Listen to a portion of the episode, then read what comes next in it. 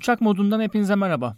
Ben İlkan. Hemen lafı uzatmadan çok ilgimi çeken bir yapay zeka haberinden bahsetmek istiyorum bugün. 2016 yılında Google'ı da bünyesinde barındıran Alphabet'in DeepMind'ı bir yapay zeka geliştirmişti. Bu yapay zekanın en önemli özelliği de e, oynadı, oynanan oyunlarda insanları yenmekte oldukça iyi olmasıydı. Bundan bir adım sonrasında da e, sadece tek bir algoritma ile satranç gibi strateji oyunları oynayabilen e, AlphaZero adında bir yapay zeka yaratılmıştı. Ama tabii bunların ortak yönü neydi? Şuydu, e, oynayacakları oyunun kurallarını e, biliyorlardı. Yani algoritmayı yazarken kurallarını öğretiyorsun, onu besliyorsun. Sonrasında bir insana karşı karşıya gelince o öğrendiği kurallara göre e, yani kendisine öğretilen kurallara göre daha doğrusu e, insanla oyun oynuyor ve yeniyor. Bu konuda iyilerdi.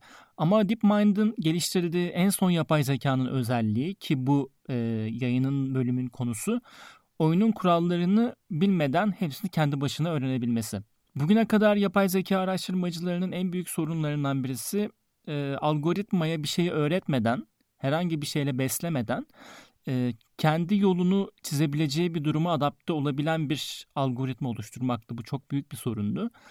Bu sorun son geliştirilen yapay zekada e, ileriye dönük arama adı verilen bir yaklaşım kullanılarak çözülmeye çalışılıyor. Bu yaklaşımla bir algoritma herhangi bir şey hakkında bir eylem planı yaratabilmek için e, geçmişinden yola çıkarak ki mesela bu bir oyunsa e, bundan önce yaptığı hamleleri ve karşılaştığı sonuçlardan yola çıkarak gelecekteki olası sorunları dikkate alıyor. Bunu çözümleyebiliyor.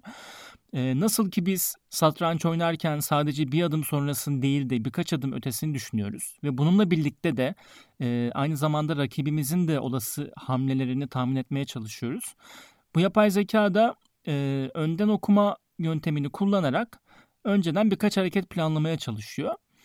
E, tabii bir karar vermesi gerektiğinde üç tane faktörü göz önüne alıyor. Bunlardan ilki demin de biraz bahsettim. Önceki aldığı kararların sonuçları e, bunları tespit ediyor. İkincisi bu aldığı sonuçların şu anda onu getirdiği yer yani bulunduğu mevcut konum. Üçüncüsü ise hem geçmişini hem geçmişini yaptığı hamleleri hem de bir sonucu olarak şu anda bulunduğu yeri mevcut bulunduğu konumu ele alarak bundan sonra yapacağı en iyi hamleyi düşünmeye çalışıyor. Yapılan testlerde bu algoritma DeepMind'in bugüne kadar yaptığı en etkili algoritma olarak öne çıkıyor.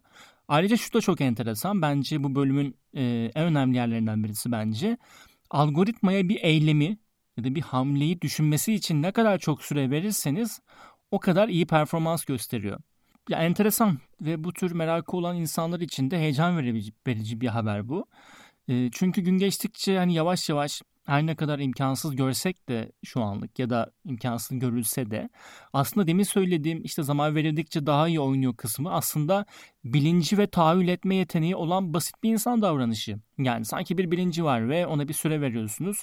Bu sürede çok daha iyi düşünüp daha iyi karar veriyor. Aslında bu bir algoritma ve zaten verecek kararları biliyor. Bunu öğretiyorsun vesaire.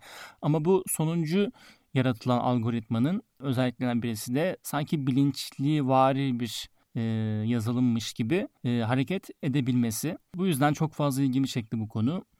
Dinlediğiniz için çok teşekkürler. Bana uçakmodupodcast.gmail.com'dan ulaşmanız mümkün deyip pazartesi günü başka bir konuyla görüşmek üzere diyorum. Hoşçakalın.